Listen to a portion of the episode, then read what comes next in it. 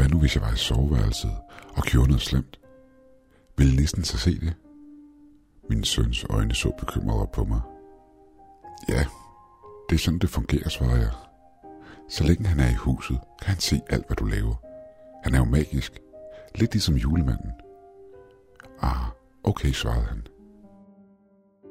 Når jeg ser tilbage på det, var det en smule creepy. Især når man tænker på, hvad der skete i ugerne efter. Nissen var på mit værelse i går, far, udbrød han, imens vi sad ved morgenbordet. Virkelig? Så kan du se, hvad jeg sagde. Han holder øje med dig. Børn finder altid på historier. Han fortalte, at han holder øje med mig. Og også med dig og mor. Så I skal også opføre ordentligt. For hvis ikke I gør det, så bliver han vred. Jeg nikkede blot med hovedet og bad ham spise det sidste af sin cornflakes og drikke det sidste af sin juice, da vi allerede var en smule sent på den. To dage senere fortalte min kone mig, at hun var ved at blive en smule nervøs for Sammy. Hun fortalte, at han blev ved med at snakke om den hjemmelavede nisse, vi havde lavet i fællesskab, og om hvordan den fortalte ham, at han skulle gøre forskellige ting. Men han ville ikke sige hvad. Jeg sagde, at jeg nok kunne tage en snak med ham, i det jeg troede, hun mente, at næsten fortalte ham, at han skulle være en god dreng eller noget i den stil. Men når jeg kigger tilbage, så burde jeg nok have indset efter blikket, hun sendte mig, at det var noget mere seriøst, hun mente. Vi har aldrig været de bedste til at kommunikere. Måske. Måske var det derfor, tingene endte, som de gjorde. Måske det er min egen skyld.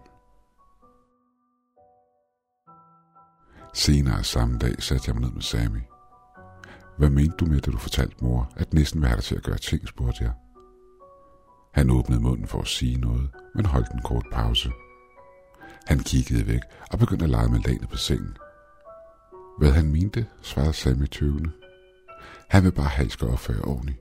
Gør gode ting. Det er alt. Når jeg nu kigger tilbage på samtalen med Sammy, kan jeg tydeligt se, at det var en løgn. Men på det her tidspunkt var mine tanker for det meste fokuseret på mit arbejde, så jeg opdagede det ikke.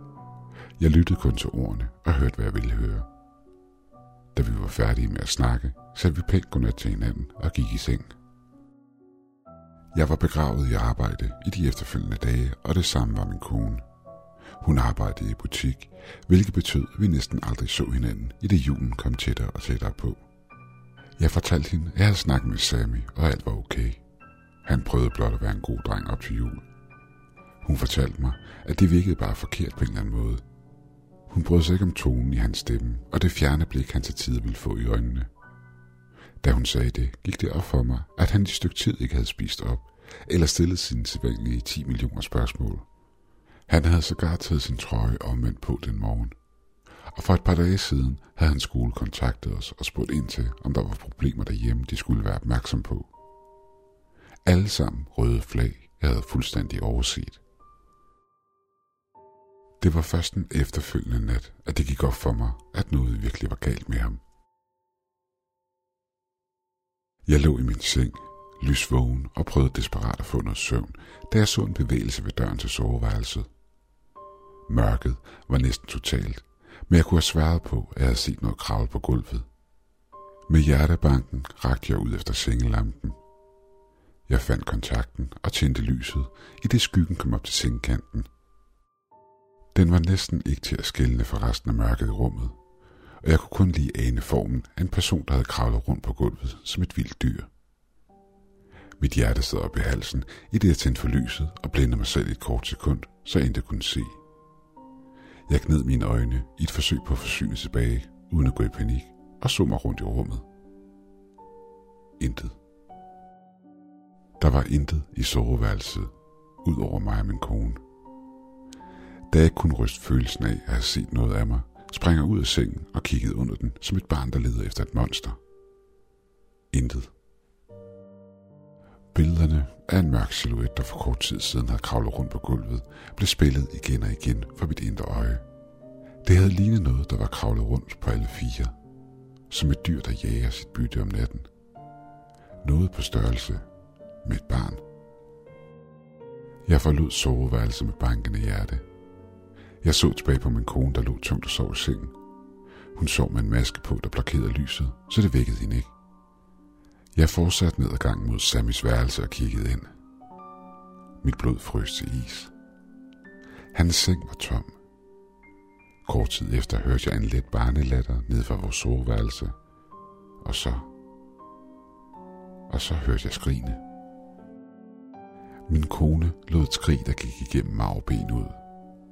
Det var et skrig blandet med frygt og rædsel.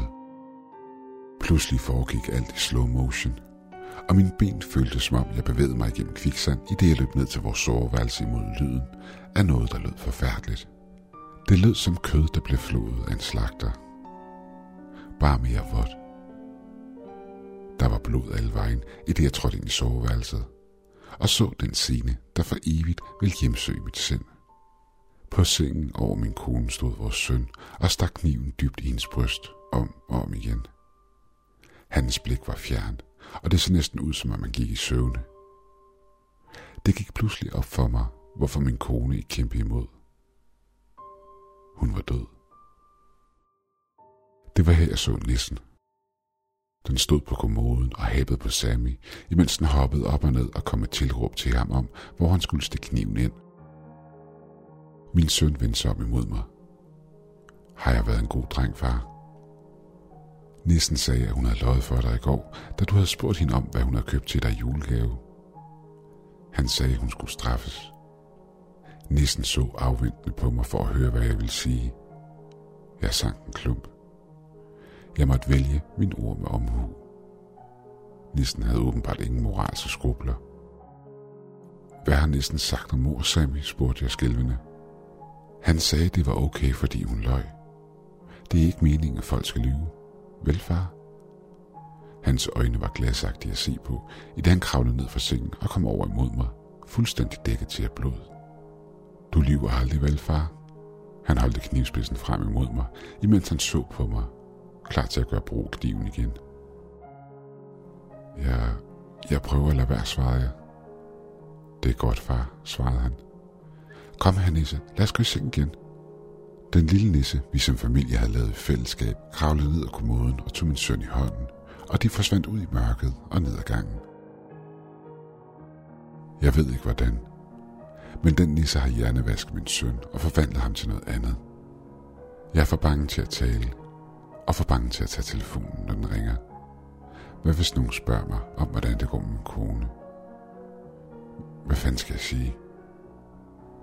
Jeg må være forsigtig med ikke at lyve. Eller for den sags skyld gøre andre ting, der er forkert, og opføre mig som en god dreng vil gøre. Nissen ser alt.